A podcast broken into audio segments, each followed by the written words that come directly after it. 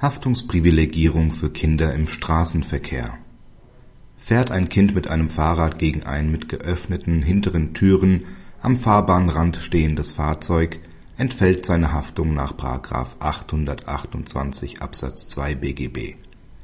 Der BgH bestätigt seine Rechtsprechung zur Haftungsprivilegierung noch nicht zehnjähriger Kinder. Die teleologische Reduktion des Anwendungsbereichs des § 828 Absatz 2 BGB greift auch im ruhenden Verkehr nicht, wenn sich hier die spezifische Gefahr des motorisierten Straßenverkehrs verwirklichen kann.